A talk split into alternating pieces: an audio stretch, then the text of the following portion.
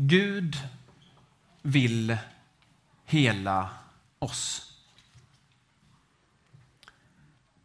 Gud vill hela dig som han helar den här kvinnan. Gud vill se dig, närma sig dig, tala till dig och röra vid dig som han gjorde med den här kvinnan. Det syns i den här berättelsen och syns gång på gång i evangelierna. Hur Jesus närmar sig människor, ser människor, botar människor, talar till människor, befriar människor. För vissa av oss så kan det hända idag. För någon annan kanske det inte händer idag. För vissa av oss så dröjer det lång tid innan den befrielsen känns och märks. Men Gud vill den befrielsen. Vi förstår inte varför vissa av oss får vara med om den här och nu och andra får vänta kanske på evigheten. Vi förstår inte det, men Gud vill detta och söker detta. Jesus söker det i den här texten med den här kvinnan. Och så ibland när Gud söker detta och när vi längtar efter detta så kommer det saker och ting emellan. Synagogföreståndaren ser vad som händer men han verkar ändå inte riktigt se vad det är som händer. Han ser Jesus men han ser ändå inte att det är Jesus, att det är Gud som är i görningen, att det är en befrielse på gång. En länge efterlängtad befrielse. Varför gör han inte det? Jo, det gör han inte därför att han är ansvarig för den här synagogan, den här gemenskapen. Och då är han ansvarig för att den här gemenskapen håller sig inom det förbund som har upprättats mellan Gud och det judiska folket. Vi måste ge honom det. Eh, vi måste vara generösa. Alltså, han hade detta ansvar. Han stod inför den uppgiften att förvalta förbundet mellan det judiska folket och Gud. Vad innebär det? Jo, förbundet det är samma sak som relationen mellan människor och Gud, det judiska folket och Gud. Förbundet hade upprättats som ett försök från Gud att etablera en relation. Och Det börjar tydligast med Abraham. Där upprättas det liksom ett avtal mellan Abraham och hans efterkommande och Gud. Ett förbund. En relation. Där det anges vissa saker som ska till för att det här mötet och den här relationen ska fortsätta. Bland dessa saker, för det här växte fram under hundratals år, så växte det fram olika saker för att se till att denna relation mellan Gud och människa skulle funka. Regler, vanor, sätt att hantera saker på växte fram. Det är förbundet, det är lagen och i detta förbund så växte det fram, eller så kom eh, budet om sabbaten som ett väldigt viktigt bud, som en väldigt viktig regel för att människan och Gud skulle ha relation med varandra. Sabbatsbudet det går tillbaka på skapelsen. När Gud skapar och är produktiv så gör han en massa saker. Han skapar. Och sen när han har gjort det, då tar han en paus. Det är som att han säger att jag är skapande, jag är produktiv, jag är kreativ, men jag måste också ta en paus. Och det måste ni också. Så ser livet ut. Det är produktivitet och så är det vila, fira, njuta. Det är sabbaten. Och så kommer sabbatsbudet till Guds folk med Moses framför allt. Som ett väldigt viktigt bud. Som en väldigt viktig del av en struktur kan vi säga. En struktur för att se till att Gud och människan finns kvar i den här relationen. Varför använder jag ett sådant ord, struktur? Jo, därför att struktur täcker in väldigt mycket av det som behövs för att en relation ska funka. Sabbatsbudet är ju en regel, men det fanns andra saker i den här strukturen. Som till exempel att man skulle fira gudstjänst. Hur man skulle äta, hur man skulle tala om Gud, att man skulle helga hans namn, att man inte skulle döda. En massa sådana här saker som inte bara är regler utan också ord, begrepp, vanor, goda vanor, gudstjänster. Alltså mängder av saker som vi alla behöver för att ha relation. Alltså om jag träffar en tjej så kommer det ganska snart upp en fråga om vilken sorts relation har vi? Vad har vi för förväntningar här? Och så måste vi klarlägga det. Och i mitt fall så bestämde vi oss för att vi skulle gifta oss. Då ingick vi ett avtal. Vi skapade en struktur för vår relation kan man säga.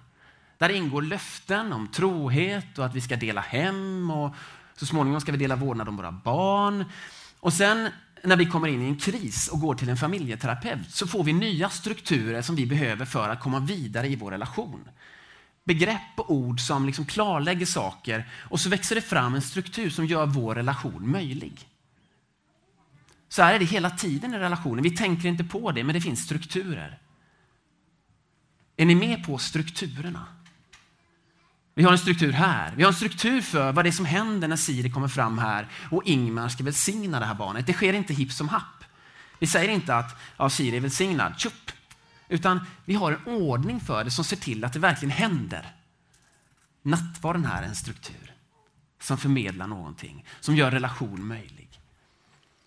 Och jag har sagt allt detta för att förklara att detta var ju synagogföreståndarens roll, att ta ansvar för denna struktur som skulle se till att Guds folk och Gud levde med varandra. Och sabbatsbudet, det var ingen liten del av den strukturen. Det var otroligt viktigt. Det var en del av tio Guds bud. Man kan säga det var en del av tio i topplistan. Eller till och med tre i topplistan. Som det är tredje budet av den här relationen för att den skulle funka. Och han säger till Jesus, det här faller utanför förbundet, utanför relationen Håll inte på så här. Han liksom diskvalificerar det från den här Gud och människa-relationen. Placerar det utanför. Vad gör Jesus då? Jesus säger inte strukturen är strunt. Han säger inte lagarna, reglerna som finns, de är strunt. Nej, Jesus definierar sig själv väldigt ofta som klimax på den struktur som hade vuxit fram. Han definierar sig själv som att han är den som man har väntat på i denna struktur. Alltså han hänvisar tillbaka till Bibeln, som ju då bara var Gamla Testamentet. Han ser sig själv som vilandes i det och uppfyllandes det. Många skulle säga att utan Gamla Testamentets struktur så förstår vi inte vem Jesus är. För att han är Messias, han är den väntade utifrån den strukturen. Det här är språket. Det här är allt det som förklarar vem Jesus är.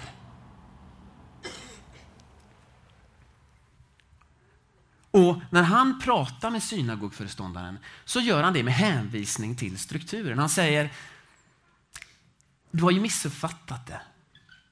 Du har ju missuppfattat det. Denna kvinna, hon är ju en del av förbundet. Hör ni vilka ord han använder? Han säger Abrahams dotter. Alltså det är inte vilken kvinna som helst, det är en Abrahams dotter. Hon är en del av detta förbund, hon är en del av relationen. Och du har missuppfattat strukturen. Du har gjort strukturen till ett mål i sig. Men vad är poängen med strukturen? Varför kommer Gud med tio bud? Varför skapas sabbatsbudet? För att göra relationen möjlig. Och vad är det som händer i relationen mellan Gud och människa? Jo, där befrias man. Där helas man. Gud vill befria. Gud vill möta människan, beröra människan, befria människan. Och när det händer, ja då har strukturen fyllt allt det mål som den ska fylla. Du har missuppfattat strukturen. Du har gått in i strukturen för mycket och tappat bort själva målet, syftet, poängen med sabbatsbudet. Hon är Abrahams dotter och du sätter henne under får, oxar, åsnor. De behandlar du bättre än en Abrahams dotter. Abraham var ju den som liksom öppnade förbundet med som slöt avtalet första gången med Gud. Han lyfter upp kvinnan och säger hon är en del av detta med hänvisning till strukturen. Var är vi? Var är vi i detta? Vad säger den här berättelsen oss? Den ställer oss frågan, finns det strukturer omkring oss som hjälper oss att få kontakt med Gud? Finns det strukturer omkring oss som skälper befrielsen, som lägger sig i vägen? Den får oss att fråga, den, får oss, den ställer oss frågan, vet vi vad poängen är? Vet vi vad syftet är med allt det som vi gör? Allt det som strukturerar våra relationer. Och han säger inte att det inte behövs struktur, därför att hon var ju där i synagogan, en av de mest vitt spridda strukturer under denna tid. Eh, och det var på sabbaten. Hon var där för att det var sabbat. Så att den strukturen hjälpte ju henne fram till Jesus. Så frågan är, vilken struktur har du, har vi, som gör att vi kommer inom synhåll för Jesus? Som gör att vi får syn på honom och han får syn på oss och han får en möjlighet att beröra, beröra oss. Och finns det någonting som hindrar oss från att få del av befrielsen? Hjälper strukturerna oss eller skälper strukturerna oss? Har vi goda vanor som hjälper oss till Gud eller har vi dåliga vanor som gör att vi liksom flyr ifrån Gud när han söker oss? Vi ska ta en liten stund, jag är inte färdig, men vi ska ta en liten stund av tystnad och bara fundera på detta. Vad finns det för ord, vanor, ställen, vänner? Hur ser min tid ut? Hur ser min vecka ut? Vad finns det för regler i mitt liv? Vad finns det för outtalade regler som hjälper Gud att befria mig eller som skälper? Bara ta en liten tyst stund och fundera på det.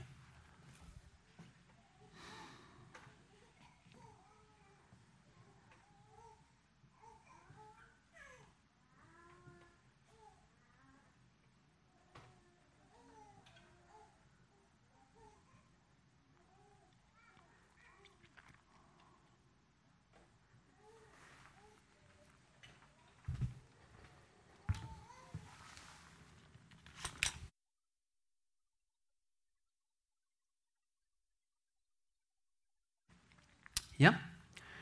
Då ska jag ta tre exempel. Bara för att hjälpa oss på traven. På strukturer som kan hjälpa eller skälpa.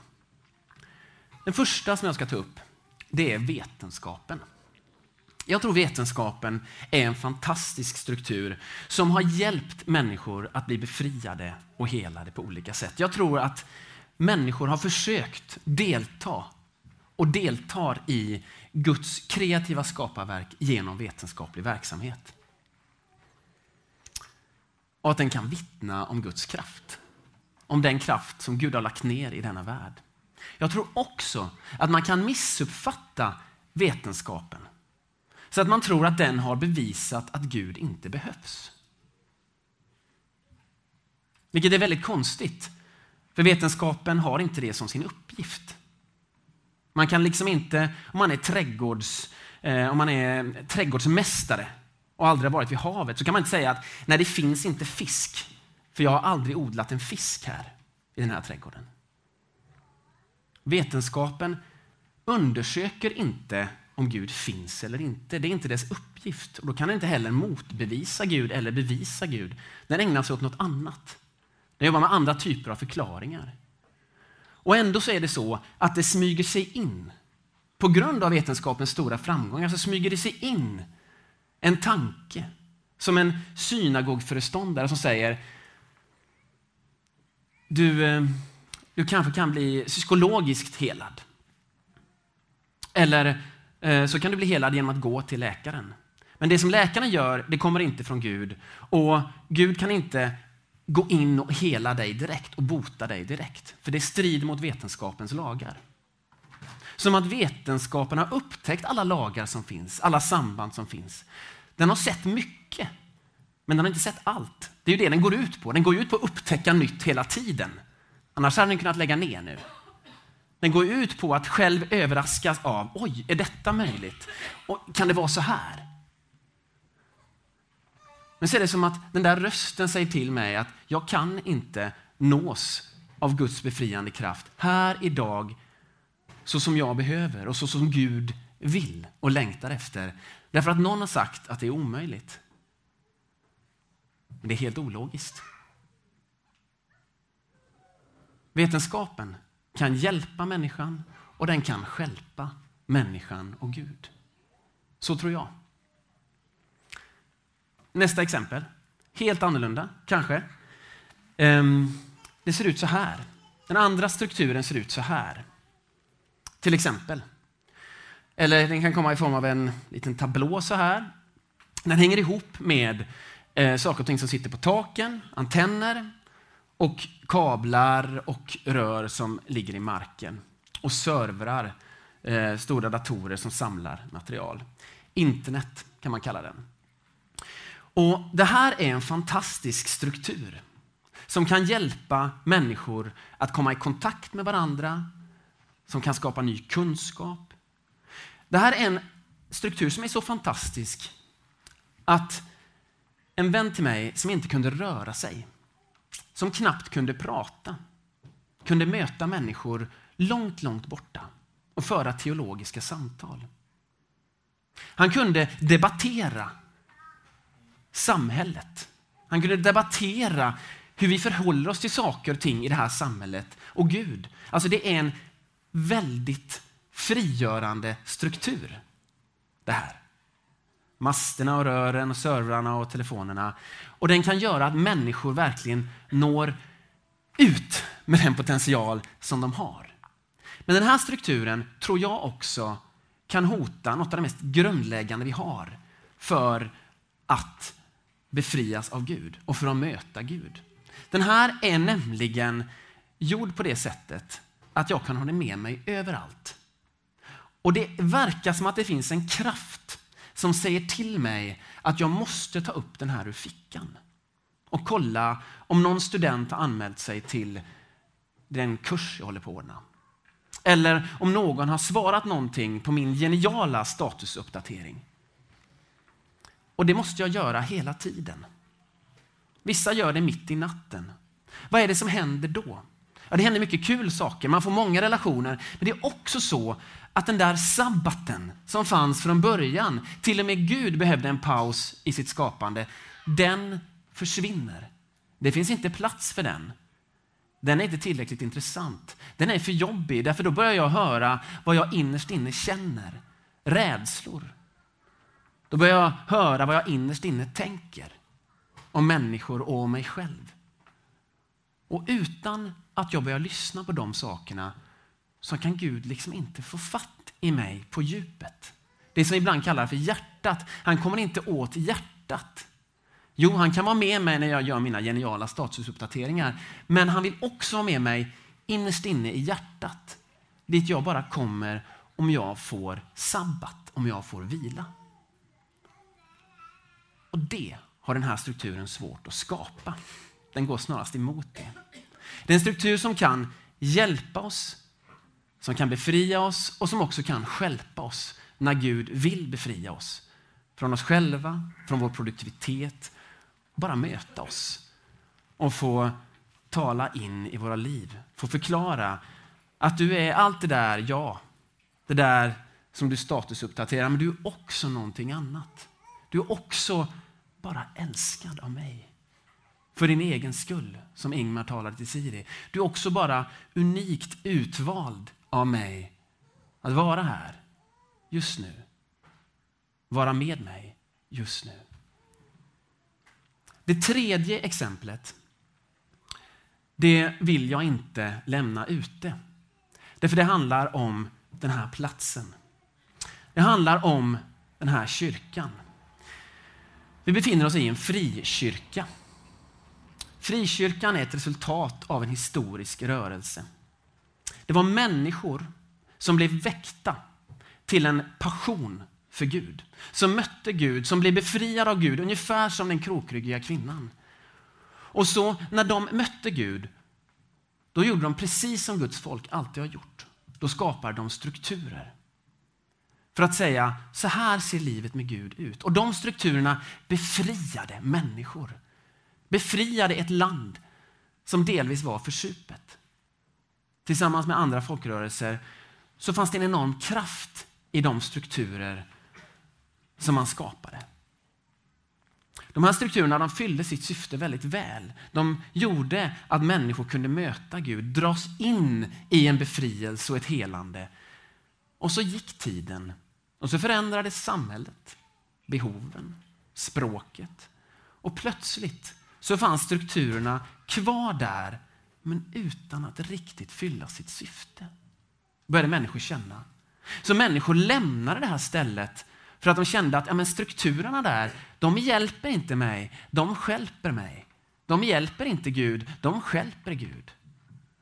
Och så började de som var kvar att också fundera över detta och så blev man mer och mer främmande inför de här strukturerna. Men man visste inte vad man skulle göra med det. För de här strukturerna var så heliga. Reglerna, beteendena, de var så heliga. De hade blivit Gud själv. Det gick inte att diskutera dem, så man slutade diskutera dem.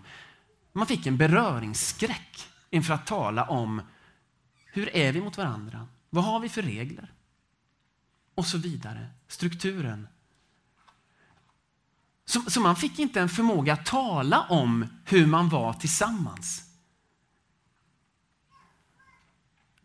Det här gäller förstås inte alla, men jag beskriver liksom generella tendenser. Och det som nu händer det är att vi börjar inse att, att vi måste tala med varandra om de här sakerna. Ja, det är känsligt för vi kommer att liksom involveras i varandras liv. Vi måste börja tala med varandra. Hur är vi församling? Hur lever man ett kristet liv?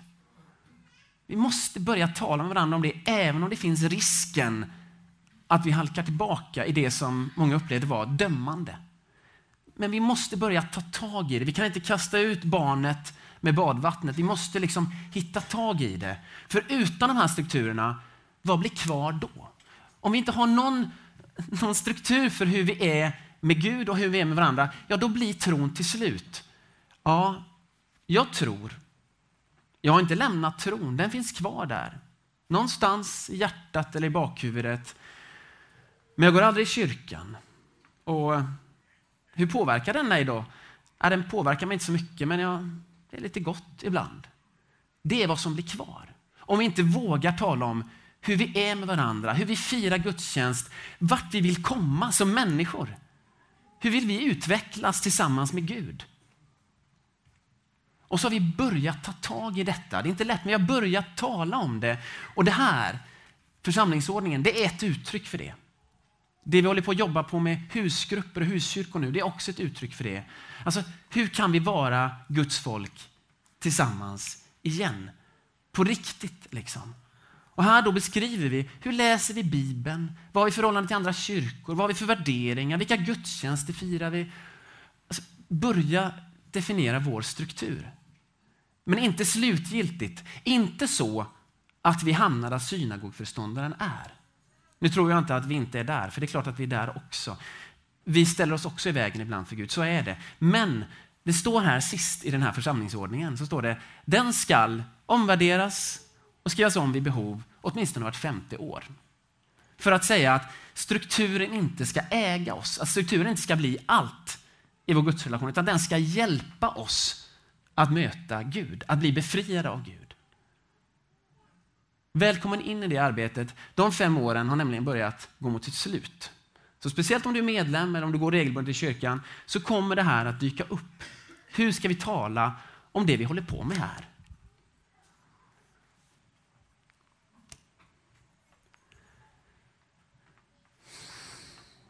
Jag kommer att finnas, eh, har vi ett M-bord idag? Någon som har koll på det? Har vi ett M-bord idag eh, efter gudstjänsten? Nej, det har vi inte. Eh, jag finns vid alfabordet efter gudstjänsten. Om det är någonting hos dig som där du känner att Nej, men det här hjälpte verkligen inte, det här hjälpte mig. Kan inte du komma och prata med mig då? För hela poängen med det jag har sagt, det är att försöka hjälpa till befrielse. Kom och tala med mig. Är det så att du känner att men här är, jag har hört någonting idag som jag behöver gå vidare med. Kom till alfabordet och jag står där. Vi står flera där. Och så vill jag rekommendera den här platsen, eh, förbönsplatsen eh, här framme. Om du inte är van vid det, här går vi fram och så är det någon som lägger händerna på dig. Och så kan du säga vad du vill ha bön för, befrielse för, helande i. Eh, eller så säger du ingenting alls. Och så ber vi om befrielse på precis det sättet som var i synagogan där. Detta är en struktur som vi använder för vi tror att den hjälper. Använd den om du tror att den kan hjälpa dig. Vi ber. Tack Gud för att du har gett oss Bibeln, du har gett oss gudstjänster, du har gett oss varandra som en struktur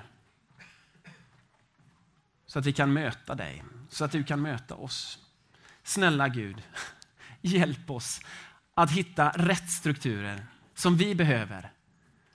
Utan strukturer klarar vi det inte. Men vi vill inte heller fastna i strukturerna. Vi vill inte att orden ska ställas i vägen för dig, utan att orden ska leda till dig. Att handlingarna, att vanorna, att det vi gör i den här gudstjänsten ska leda till dig, öppna för ditt helande och din befrielse. Inte lägga sig i vägen. Låt oss få fatt i själva syftet.